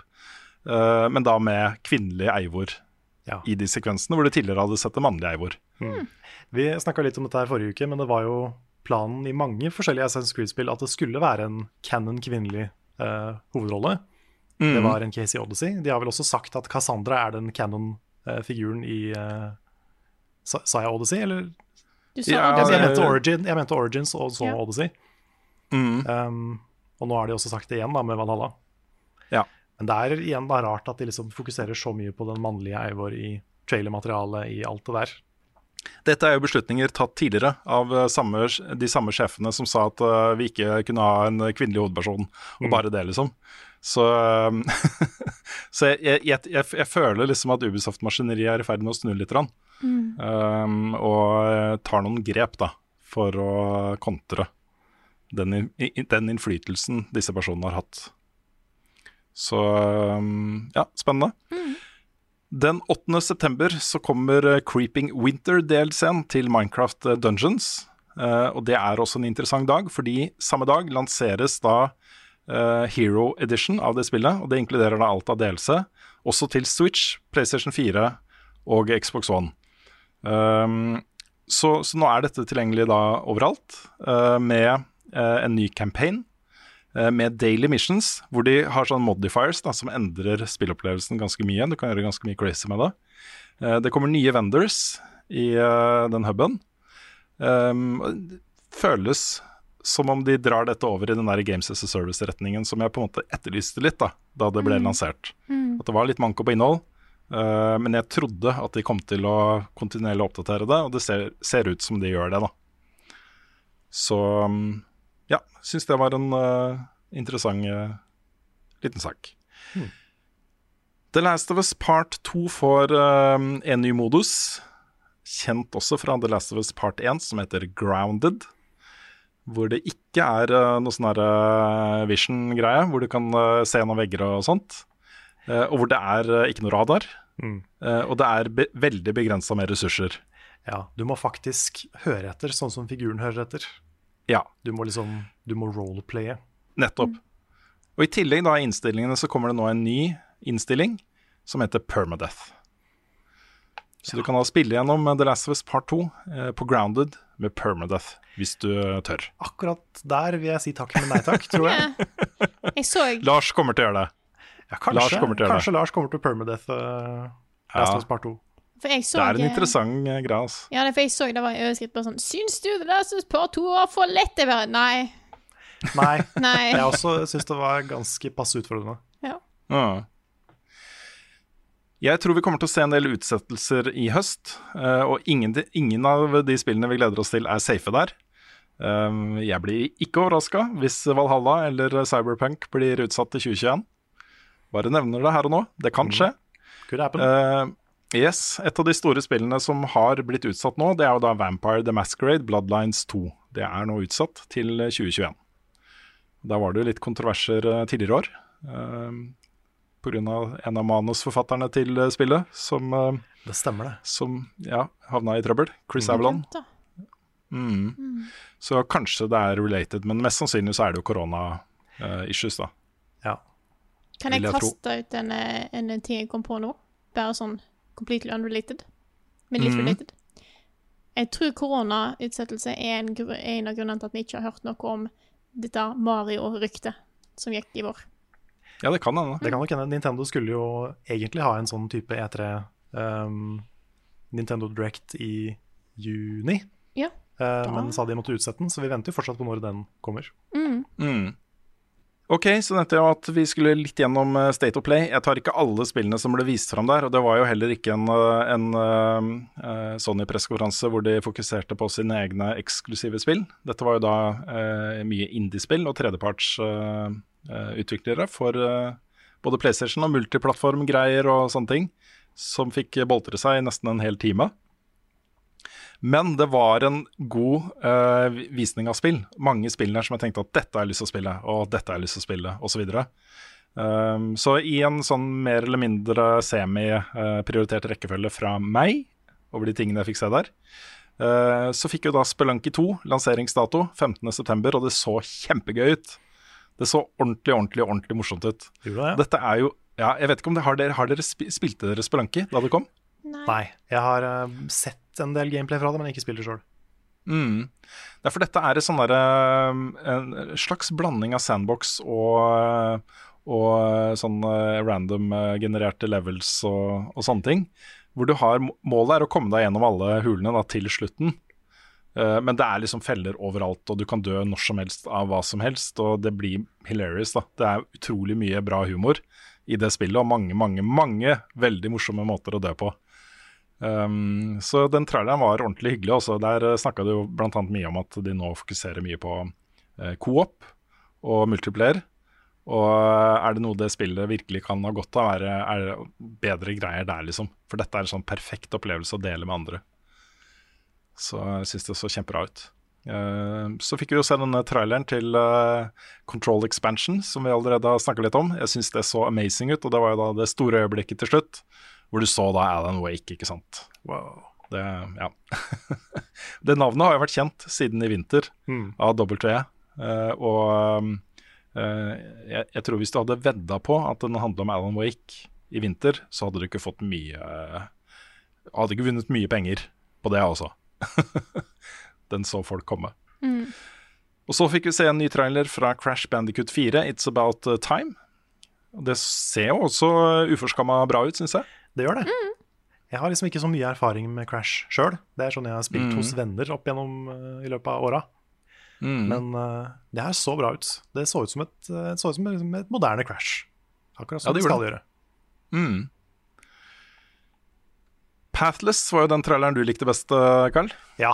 Det er noe med den der flowen i gameplayet der, hvor du har den Mm. bua, og du bare Akkurat som du svever bortover bakken, liksom. Mm. Litt sånn der, Jeg får litt den der Paraglider Breath of the Wild-følelsen av å se på det. At det Mm. føles så sånn fritt og sånn behagelig. Ja. Så det, jeg er spent på om det, om det er så bra å spille som det ser ut. Jeg syns det så litt boring ut. Syns du det? Helt til bosskampen kom. Da syns Ja. jeg det så gøy ut. Ja, jeg likte de lange, liksom, tomme områdene og Mm. skyte de blinkende. Jeg, jeg, jeg er spent. Nei, jeg, jeg syns ingenting om sånne spill hvor det er eh, store, tomme områder, eh, og så liksom en bosskamp. Nei. Og så store, tomme områder. I hvert fall hvis det er eh, sånn 16 av de, Ja. Ja, 16 av de, ja. Det er det verste, jeg veit. Mm. Ja. Spesielt når du må ri. Hater det. ja. Ja. ja, det var jo også et par PlayStation VR-nyheter. Um, Hitman 1 til 3, også de nye Hitman-spillene, eh, vil alle få PlayStation VR-støtte. Det så jeg det var mange som ble happy for, selv om ikke den traff meg spesielt godt. Så Jeg lurer på hvordan det føles å liksom bare ha sånne her, eh, holdt på å si intime drap i VR. Det må være litt, litt rart. ja, ja det, er, det er noe der, altså. Uh, og samtidig så fikk vi også se en ny tra trailer fra Vader Immortal til PlayStation VR. Yes. Det, er også, det, det er et av de VR-spillene som interesserer meg mest. Det ser kjempegøy ut. Be the waiter. Be the Vader. Eh, det var helt herlig å se at Braid, dette spillet som jo starta på mange måter en, eh, denne bølgen av eh, indiespill for ti år siden, nå får en anniversary edition. Eller er det ti år siden? Er det mer enn ti år? Det må jo være mer enn ti år. 2010. Jeg ble veldig usikker. Jeg lurer på om det var ti ti år siden. Skal Ja, det kan være sjekke. år. Braid. Men u uansett, da, så blir jo alle textures og animasjoner og sånt oppgradert. Eh, Så det ser jo mye slikkere ut enn eh, originalversjonen. 2008. Men et spill som var veldig pent, og fortsatt er veldig pent. Mm, ja, ja, ja. Ja, Da var det sånne håndmalte bakgrunner. Nå har det gått over alle de teksturene og malt de på nytt. Mm. Sånn at du kan ha høyere oppløsning. Ja, de hadde en litt sånn, sa- litt sånn subtil skift i, uh, i visuell stil også. Mm, Litt mer sånn drømmeaktige bakgrunner og, og sånn. ja, Du sa 2008, Frida. Ja, snek den inn. Mm. Hva slags anniversary er det, da? Tolv år? Ja, for han kom ut, han kom ut 6. august. Eh, Det er bursdag-bursdag. Så det er jo det er på en måte det er jo rundt nå, da. Og så et eller annet Ja. lages. Ja. Ja, ja. All right. Eh, vi fikk også avduka et helt nytt spill, som da ikke bare kommer til PlayStation 5, det kommer også til eh, Xbox One og eh, PC. Uh, Hood, Outlaws and Legends. Eh, helt umulig å si noe som helst om hvordan det spillet kommer til å bli, for det var jo bare CGI, var det ikke det? Jo, det så sånn liksom ut. et par glimt der inne hvor du tenkte at ja, kanskje dette er et glimt av gameplay, men så var det rett tilbake på CGI igjen. Hmm. Så jeg vet ikke helt. Det er en Robin Hood-fortelling, da. Hvor du skal ta fra det rike og gi til det fattige, men så er det da eh, PVPVE. Så når du er ute og luter ting, så kan da andre faktiske spillere Litt som eh, Som eh, Hva heter det? Eh, Hunt eh, Showdown. Eh, Ja. Andre vil da kunne komme inn og kjempe med deg om det lutet. Mm. Så litt sånn factions og Så det er mange Robin Hoods. Mange Robin Hoods. Mm. uh, TemTem kommer til PlayStation 5 i 2021. Det syns jeg var en god nyhet. Ja. Men, om, men er det da Early Access, eller kommer ferdigversjonen av TemTem, er spørsmålet. Det, da tipper jeg det er snakk om ferdigversjonen. Når spillet er ferdig, så kommer det også til PlayStation 5, tenker jeg da. Ja, kanskje. Ja. Jeg visste ikke at det var eh, i så fall at jeg så nærme launch. Ja, men det var jo veldig vagt i 2021, da. Så Ja. det kan jo handle om hva de snakker om uh, uh, Hva de sikter mot som et vindu. Det er sant. Mm. Og så fikk vi se ganske mye gameplay fra Godfall, og der ble jeg Det var veldig med for meg, altså. Der, det så pent ut, men jeg syns det så litt kjedelig ut. Ja, jeg syns kampsystemet så ganske kult ut. Jeg fikk eh, litt sånne Monster Hunter-vibes av noe av det. Mm. Det er jo veldig my thing. Men eh, det virka som et spill for folk som er veldig glad i loot, Ja. og ikke så mye annet, kanskje. Mm. At det var en sånn looter fighter hvor kanskje Altså, jeg får ikke så mange andre hooks da, som gjør meg gira. Jeg tror, det, jeg tror du satte litt fingeren på, på hva som uh, forstyrra meg litt der. Fordi uh, jeg, jeg, jeg, jeg så liksom ingen grunner til å spille det. Jeg fikk ikke noe feeling med, med helheten i sa det jo da at vi har mye mer å si om dette spillet, og vi skal eh, snakke om det i god tid før lansering og sånne ting. Så vi kom med da eh, fokuserte oppdateringer. Nå var jo fokuset, det var jo combat. det var det de skulle snakke om. Og så skal de snakke om andre ting seinere. Og så kanskje jeg blir mer positiv etter hvert. Men jeg, ja, jeg, jeg, er ikke solgt, altså. Nei. Det er jo igjen sånne ting vi vanligvis ser i skytespill, men her gjort med et melee combat-spill. Mm. Så det er den delen som gjør meg nysgjerrig. Ja da, sånn øh, konseptuelt øh, er jeg helt med på den, altså. Mm. Mm. Og så ble det jo ikke noe GDC i juni, som det alltid er. Og et sånt herlig høydepunkt og event for alle som er glad i speedrunning. Eh, men nå starter da det digitale GDC, eh, eh. Ja, ikke GDC. ikke GDC. Jeg sa GDC, gjorde jeg ikke det? Jo, du gjorde Jo, det. gjorde det. Ja, jeg gjorde det. Jeg mente Games Done Quick, GDQ. Jeg Starter nå i helgen, Carl. Det gjør det, altså. Det blir jo da den heldigitale varianten som vi fikk se litt av i det andre som Corona Relief i starten av Mhm. koronaperioden. Stemmer. Og det er jo ikke helt, liksom, du får ikke helt den samme stemningen. Det er jo litt som å sammenligne en fotballkamp med ingen, ingen i publikum kontra full stadion, liksom. Men det er jo likevel utrolig imponerende speedruns.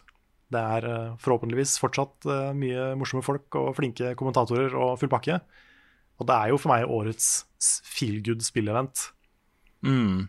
som heldigvis kommer to ganger i året. Så det er da to ganger i året sin spillevent. og jeg er veldig spent på hvordan de klarer å løse det teknisk. For de hadde noe tekniske problemer sist, med sånn desync og lag og ting og tang, og det er jo forståelig.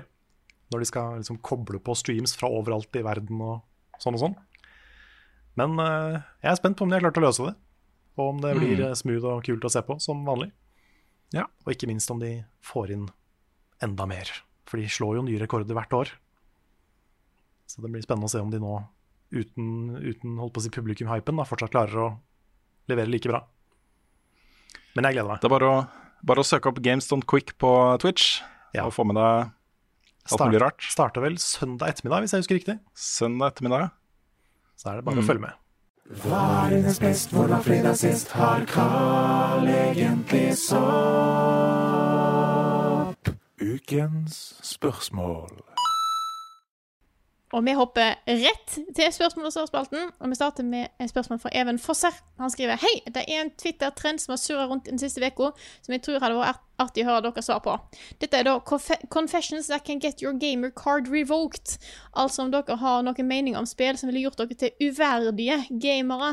Og dette er jo Vi er jo selvfølgelig eh, liksom eh, De ekte gamerne. de ekte De ekte gamerne. gamerne. Autoriteten på alle gamere. Ja. Archetype of gamers. Eh, Yes, nei, Jeg, vi, er, vet, vet vi du er hva, ikke det. jeg, jeg, jeg liker den, der, eh, den uh, greia der. ja, jeg Fordi konsekvensen av den er jo at massevis av bra spillfolk kommer ut og sørger for å på en måte normalisere det å spille spill på den måten du har lyst til å spille det på selv.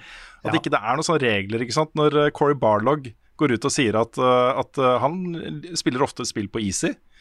Jeg syns jo sånne, jeg syns det er, eh, er bra, da. Mm. Fordi man, det, den gatekeepinga som mange driver på med, er, syns jeg bare er tull. da. Ja, Så det er dette er spiller litt på de fordommene, ikke sant? og jeg syns det er ganske stilig. Det er veldig lett i uh, litt sånne communities eller fandoms og sånne ting å bli et ekkokammer.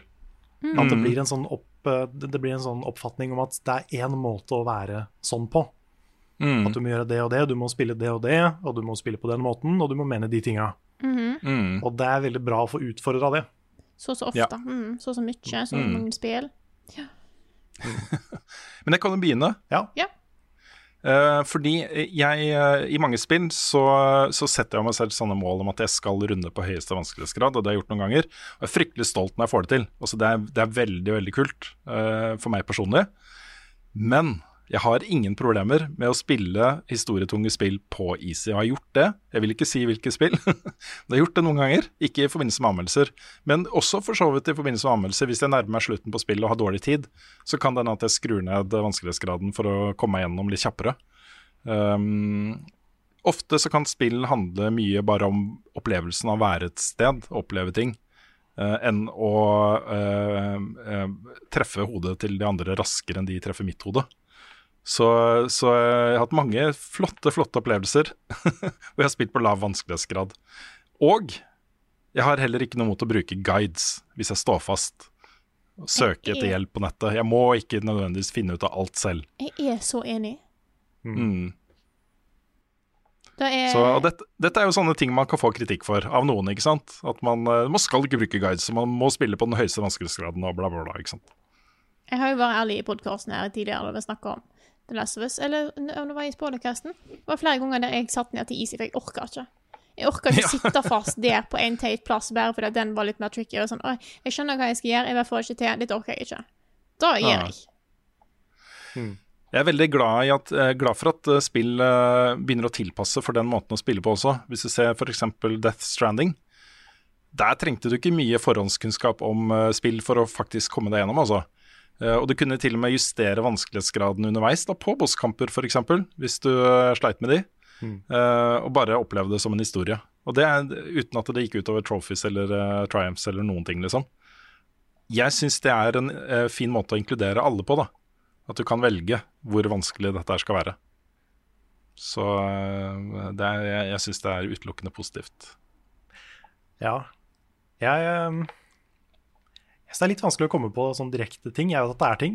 Um, det første jeg kom på, som jeg husker at det var noen sinte kommentarer uh, mot meg på i starten av eh, VG-tida, det var at jeg syns ikke GTA er det beste ever. Det, er, Det, var et godt svar. Ja, det, det er nok min største ting. Liksom, av spillserier som er kjempepopulære, men som jeg bare ikke helt er så gira på, Mm. så er nok GTA på toppen. ass. Jeg har prøvd mange Ja. ganger å spille det, jeg har fortsatt ikke kommet meg gjennom det. Altså femmeren. Mm. Jeg spilte de første mye da jeg var liten, men de moderne spillene har jeg liksom bare slitt med å få helt eh, det er, ikke, det er ikke helt min vibe. Så det du sier er at du bare liker Sonic, ikke sant? Ja, bare Sonic. Mm. Og Kingdom Hearts, da. Sonic og Kingdom Hearts. Ja, eh, Det er de to tinga jeg liker, og det er derfor jeg er en ekte Ja. gamer. Derfor er du en ekte gamer. Ja. Jeg eh, takler ikke point and click. Jeg syns det er en utrolig kjedelig sjanger. Hmm. Eh, jeg har fortsatt ikke funnet noe spill der som klarer å engasjere meg. Nå kjenner jeg at jeg begynner å bli litt skeptisk, eh, Frida. Jeg tror det er rett og slett Altså, jeg har vært borti noen, og det går greit, men jeg har ennå ikke funnet point and click-spill som som har på en måte appellert til de tingene jeg liker. Nei. Eh, Altså mange, Ja. mange av disse pek og klikk-spillene er det jo sånn hvis ikke på en måte sjangeren fenger deg, hvis ikke du syns det er digg, å sitte der med kaffekoppen i den ene hånda og musa i den andre og klikke og tenke og sånt, så kunne, kan du like så godt lese en bok. Mm.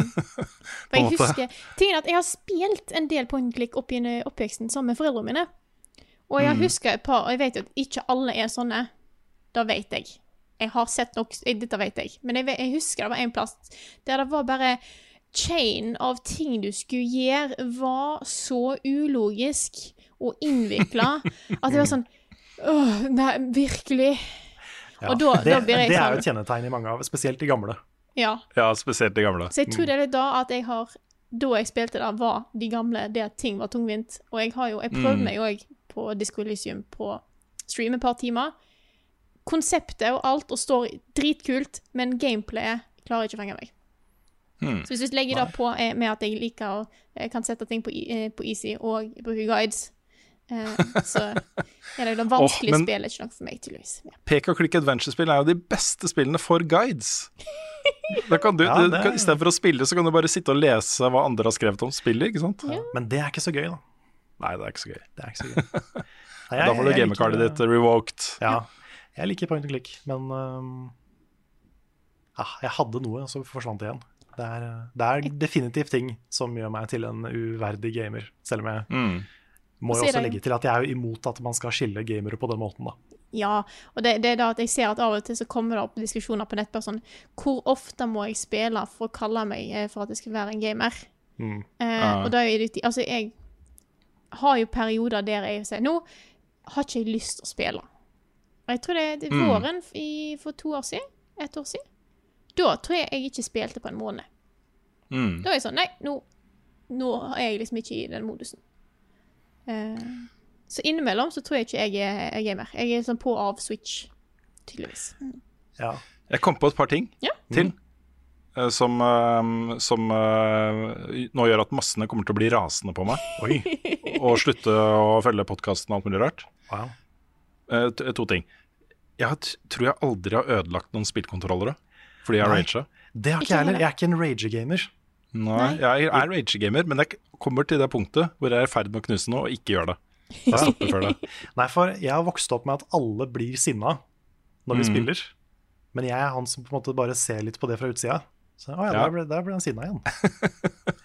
Og det, det er Ja, du har sånn- blitt irritert da når vi har duellert og sånn, Karl, og jeg driver og b- poker i siden din. når du, når du med vilje gjør det vanskelig for meg å delta på et, på et nivå som er rettferdig, så blir jeg sur. Ja, nei, det er ikke Det, sånn. vet du, det, det er en ting Jeg rager på juks. Jeg rager på juks og urettferdighet. Da blir jeg sinna.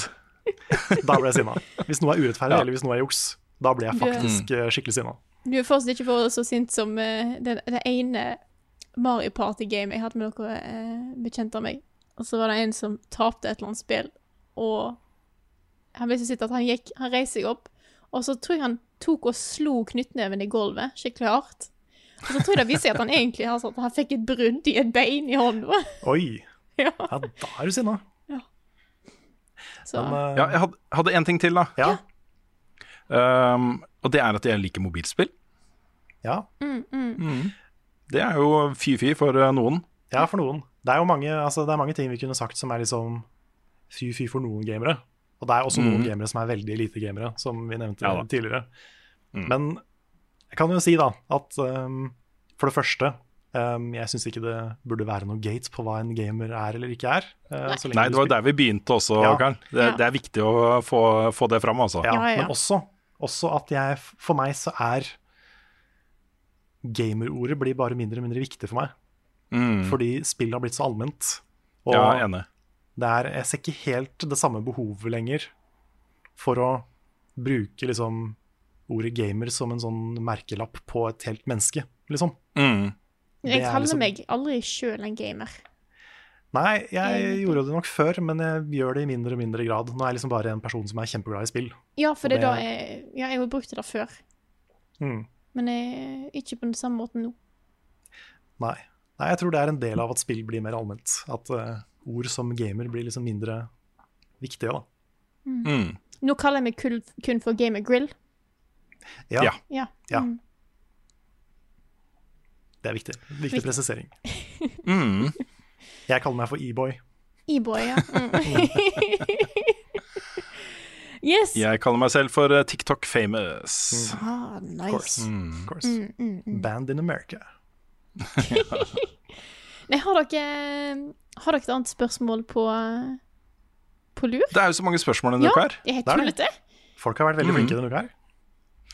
Kan vi ikke ta et som er litt relatert? Ja. Uh, vi trenger ikke å snakke så lenge om det, for det føler jeg ikke er nødvendig. Men spørsmålet er fra Rikard eh, Dahl, og spørsmålet er da hvorfor er gamingkulturen så toxic i forhold til andre communities? Eh, her blir det snakk om drapstrusler og det som skal til, pluss mer eh, for ting de mener har gjort feil når de har laget et spill.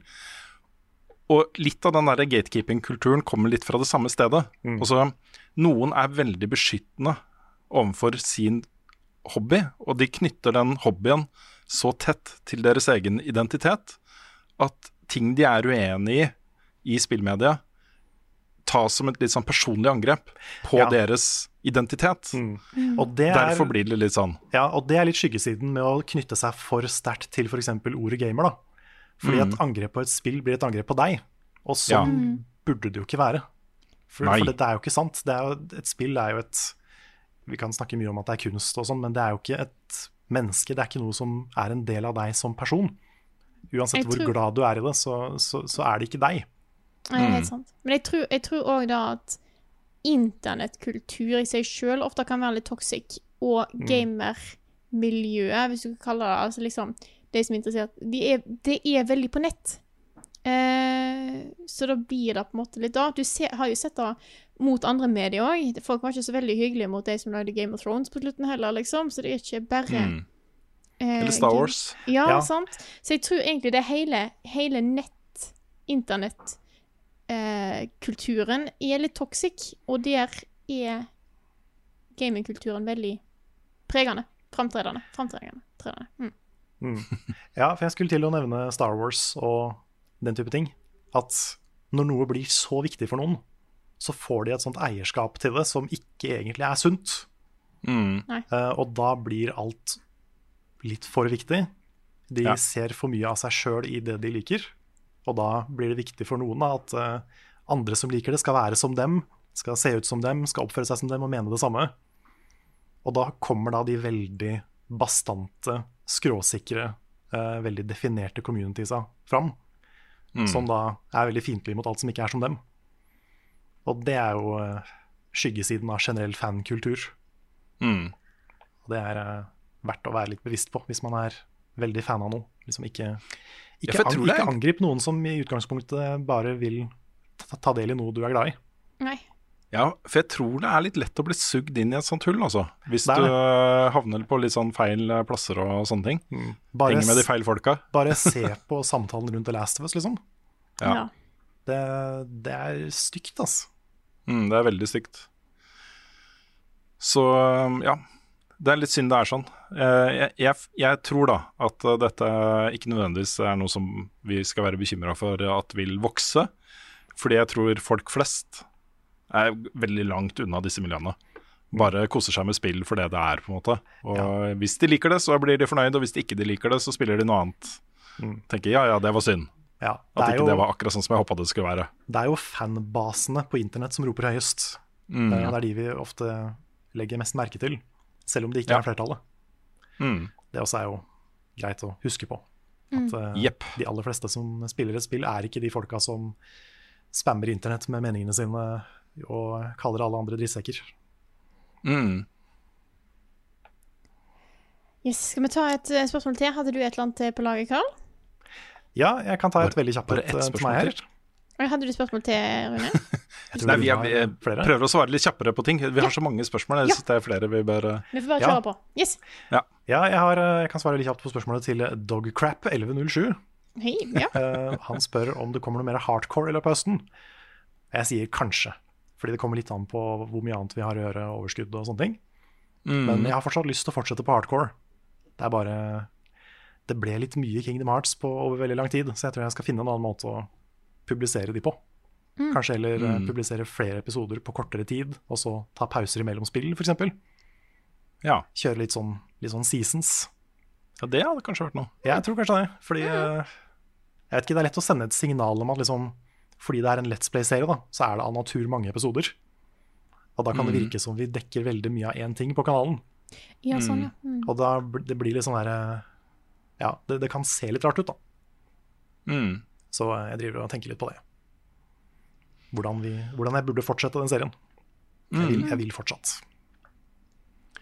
Det bra. Jeg tar et uh, kjapt spørsmål fra Mathias eh, Myhre her. Kjør. Uh, og det er fordi det spørsmålet får vi ganske ofte. Eller ikke superofte, men vi får det jevnlig, jeg må svare på det hver gang. Uh, han spør da tar dere inn praksisstudenter innenfor klipping, filming og lyd osv.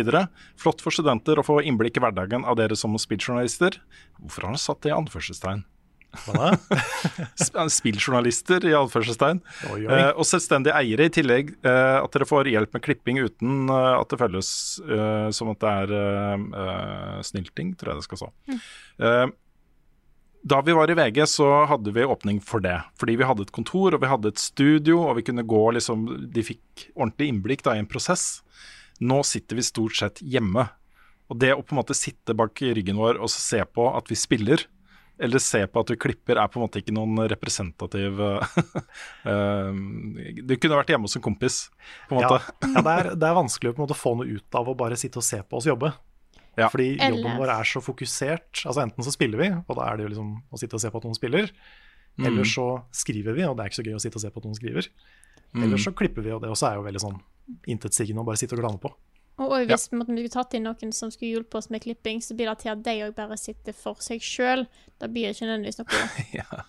interaktivitet, da. Men hvis vi hadde hatt et kontor med plass, ekstra plass, eh, og et prosjekt f.eks., som krever litt ekstra jobb av oss, Mm, Sånn som i Så dag kunne vi hatt noen. ikke sant, så hadde dette her plutselig blitt litt mer aktuelt. da. Eh, og da hadde det vært hyggelig å kunne gjøre noen sånne ting. Eh, hvor vi kanskje hadde innspillingsdager, ikke sant? hvor eh, vi hadde en, eh, en bak kamera og studio og lys, og, og så skulle det inn i klippen og se hvordan det ble til. Og så skulle det frontes og publiseres og se hvordan det gikk til. Eh, det, det hadde vært mer interessant da. Men Ja. nå, per nå, sånn som situasjonen er nå, har vi ikke Det hadde vært helt meningsløst. Ja, jeg er redd for det, altså. Men eh, hvis liksom noen hadde spurt akkurat til det vi skulle til å starte en produksjon som var sånn over, over flere dager med skikkelig kamerateam og litt sånn som det vi hadde i dag, da, bare over lengre tid No Da- ja, det, det, det, Jeg tror ikke det blir mer enn no scope, men det kommer andre ting. Andre, andre serier som er litt av samme, samme typen. Yes Da er det mye mer eh, yes scope. Da er det mye mer aktuelt.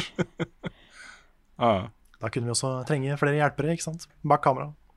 Ja. Kjør. Ja, jeg kan ta, bare svare veldig kjapt på et uh, spørsmål til fra Bjørnar Helle Mjølsnes, Uh, som, lurer, som har fått med seg at jeg snakka litt om Star Citizen. Han lurer da på om, det, om uh, noen av oss har planer om å spille det før det kommer ut av alfa. Eh, og i parentes, da, jeg er veldig hypet og har spilt en del i sommer.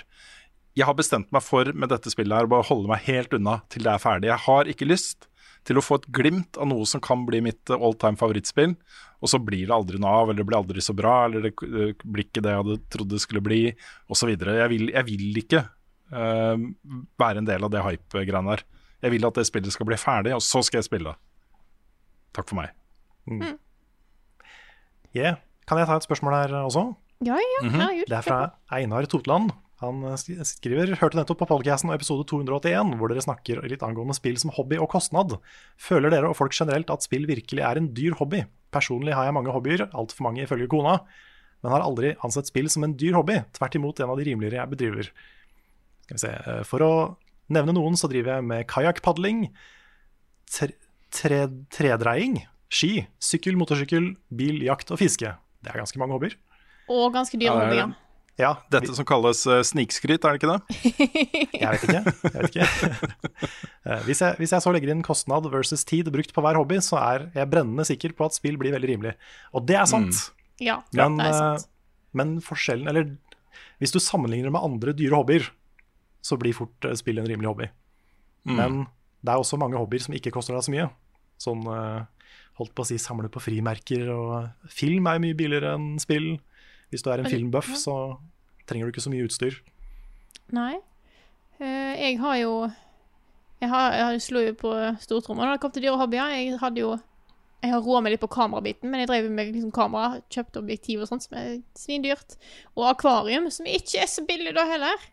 Eh, Så det er jo nok av eh, dyre hobbyer der ute å ta av. Men jeg tror, Mm. sånn som det er nå, så er spill den dyreste hobbyen jeg har. Ja, jeg tror når folk eh, sier at det er dyrt, så er det som du sier, Karl. Jeg tror de sammenligner det da med film, musikk, bøker, tegneserier. Ja, tegneserier kan fort bli ganske dyrt, det også. Det kan det.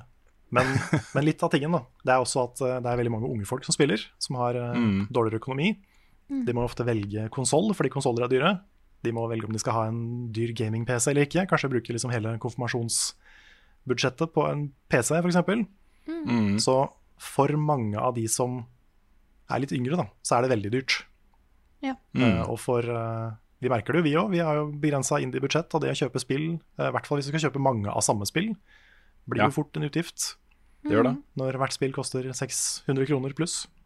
Mm. Så eh, Hvis, det, hvis det da kommer tre storspill i løpet av en måned du har lyst til å spille, så er det jo fort et et par tusen kroner, faktisk. Og hvis du nå skal ha både Series X og PS5 pluss en ny PC etter hvert, så blir det liksom Det går fort opp i pris, altså. Mm. Så jeg vil, fortsatt, jeg, jeg vil kalle spillet en dyr hobby, basert på, holdt på å si mitt lønnsnivå opp gjennom mange, mange år. Og sånn jeg hadde det som student og store deler av livet. Men det, men det er jo en hobby du kan ha billig hvis du vil. Du kan kjøpe en brukt konsoll, og du kan eh, holde deg til gratisspill og kjøpe spill på tilbud. Og, Eller er låne spill på biblioteket. Det går også an. Ikke minst. Mm. Og Steam Summer Sale er jo en, eh, en evig gave til alle som ikke har så mye penger. Mm. Eller GamePass, hvis du vil holde deg Eller GamePass, ikke minst. Eller GamePass. Så det er fullt mulig å ha en OK billig spillhobby. Ja da. Det er det. Så det er, det Mm. er sant. Men uh, du har jo rett i at uh, litt sånne mer Litt mer forseggjorte aktiviteter er jo mye dyrere. Mm. Jeg har et spørsmål liggende her, hvis dere er klare. Ok? Ja. Dette er fra Vegard Lindland. Han skriver dere får ofte spørsmål om hva som er deres favorittspill. Men jeg tror ikke dere snakker så mye om eh, dette her, så da lurer jeg på hva er det rareste spillet dere har spilt? Rareste, ja. Det rareste spillet jeg har spilt. Det er mye særlig på det. Ja, nei, nå kaster jeg det på dere nå. Eh, det er liksom For at du har mange ting som er bare på en måte Det er rart bare for å være rart. Og da har jeg sett mye Det er mye sære spill der. Eh, men jeg tror det rareste spillet som jeg lik, har likt godt, eh, er Pikuniku. For det var Mm. bare en herlig kombinasjon av kaos Mm. som fortsatt ga litt mening. Mm. Ja, for jeg har spilt mye rart som ikke er bra. Ja, Ja. det er det. Er noe med det. Kanskje Doki Doki Literature Club er høyt oppe? Det er bra rart. Det er Det er rart. det. Det er Mm. skikkelig rart. Ja, det var et godt svar. Ja. For jeg tenker mer, jeg ville, jeg ville heller svare på sånne spill enn på en måte bare ting som er absurd for å være absurd. For der er det Mm. veldig, veldig veldig mye sært. Eh, men jeg syns òg eh, Å, hva det heter Åh, dette her spillet der du spiller en penis, og så skal du inn i de andre penisene. Å ja, genis, genital jousting. Ja, det bra Gentle rart. Justing, ja. ja det, er, det er veldig rart. Ja. Mm. Eller den der Getting Over It er også veldig rart. Ja, det er veldig rart. Eller så har du litt sånn eldre spill, så er det Mr. Mosquito det het. Ja, og det, det det creepy uh, japanske Ja. myggespillet. Du spiller som en mygg, og så skal du fly inn i huset til noen. Der ligger jo den 16 år gamle jenta, dattera i huset, og i badekaret, f.eks. Det er rart. Ja, det var litt rart. Ja, det er rart. Um, Så er liksom kopp og Klopp og sånn er jo rare, da. Ja. ja, de er rare. Ja. og uh, Surgeon Simulator. Ja. Angående Og hva, hva heter geitspillet? Goat Simulator. Goat Simulator, oh, Goat Sim er bra. Det er helt nydelig. ja. ja. Eh, rart, altså. Eh, og jeg kom på en du Kopp. Det er et Jeg testa det litt. Eh, det kom nylig. Det heter Drink More Glurp. Eh, og jeg tror settingen er at aliens har sett på OL og prøvd å lage sine egne, men de har ikke helt skjønt det. Og du styrer da en, en sånn ball som har to armer, som du styrer med de to stikkene du har, og så skal du prøve å gjøre ting. Eh, og da er det sånn der, det er like vanskelig å styre som kopp. Det var nesten irriterende vanskelig, men det var litt sånn passe teit. Og så er det sånn du bare Du har en event, og så er det på en måte du gir kontrollen til én person, sier den, den, og så er det neste. Det kunne kanskje funka på stream. Eh, eller på sånne events vi har hvis vi har duell og sånt. For det var liksom Mm. akkurat passe ran, Passe Forferdelig vanskelig å styre. Ha. Sånn, ja. Jeg syns kanskje de beste rare spillene jeg har spilt, Mm. er Earthbound-spillene. Mm. de er bra weird. Ja, de er liksom sånn herlig weird hele veien. Ja. Det er jo også Undertale, men Undertale er på en måte Det har så mye sammenheng. ja. Så jeg vil ikke si at det er like rart. Nei, Selv om det er nei, mye nei, rart i det, så er liksom Undertale er, så, det er en sånn håndfast ting, da. Mm. Så Earthbound er kanskje mer random rart. Ja, det er Mm. Vet ikke helt om jeg er enig med meg sjøl i det, men jeg tror jeg er det. Jeg tror hjernen min er i ferd med å skru seg nå, fordi nå er, jeg sitter og tenker på to spill. Jeg klarer ikke å komme på noen av hva de, noen titler her lenger. Nei. Det er bare Hjernen min funker ikke lenger. Nå er det både fest og tuting i biler utafor her, så det Ja. kanskje er på tide å runde av snart. Da er runden vi av, og da er spørsmålet om jeg, eh, Om vi først skal kåre Nei, vi tar, vi tar spill først. Dette er Level, Back, eh, Level Backup, en podkast utgitt av moderne media. Låten i introen og outroen er skrevet av Ole Sønnek Larsen og arrangert og framført av Kyoshu Orkestra. Vignetten er lagd av fantastiske Martin Herfjord. Eh, du finner mye mer innhold fra oss på youtube.com slash levelupnorge. Nord. Nord. Levelup Nord. Det er hovedprofilen vår. Eh, det er der vi legger ut alt, eh, alt som skjer, egentlig. Eh, og så kan du òg følge oss på twitch.tv slash levelupnord. Og hvis du har lyst til å støtte oss, er det bare å gå inn på patreon.com slash levelupnorge. Der kom GE1 inn, vet du. Eh, med det beløpet du sjøl eh, har lyst til og ønsker. Eh, og så må jeg dessverre si at pga. lag, eh, så var det ingen av oss som vant. Eh, Ah. eh, Ja, nei, jeg fikk sånn blue screen. Ja. Ja. Men da har jeg lyst til faktisk å gi en sånn trøstepremie Ja. til Rune Fjell Olsen, fordi han har vært på kamera så mange timer i dag. Og voisa, og det at han ikke kollapsa i løpet av den podkasten her, det er faktisk uh, syns jeg er verdt en pokal. Jeg tar den, jeg tar den. Skal kose meg med den eh, i natt. Og da sier vi tusen takk til dere som hører på, og så snakkes vi igjen neste uke.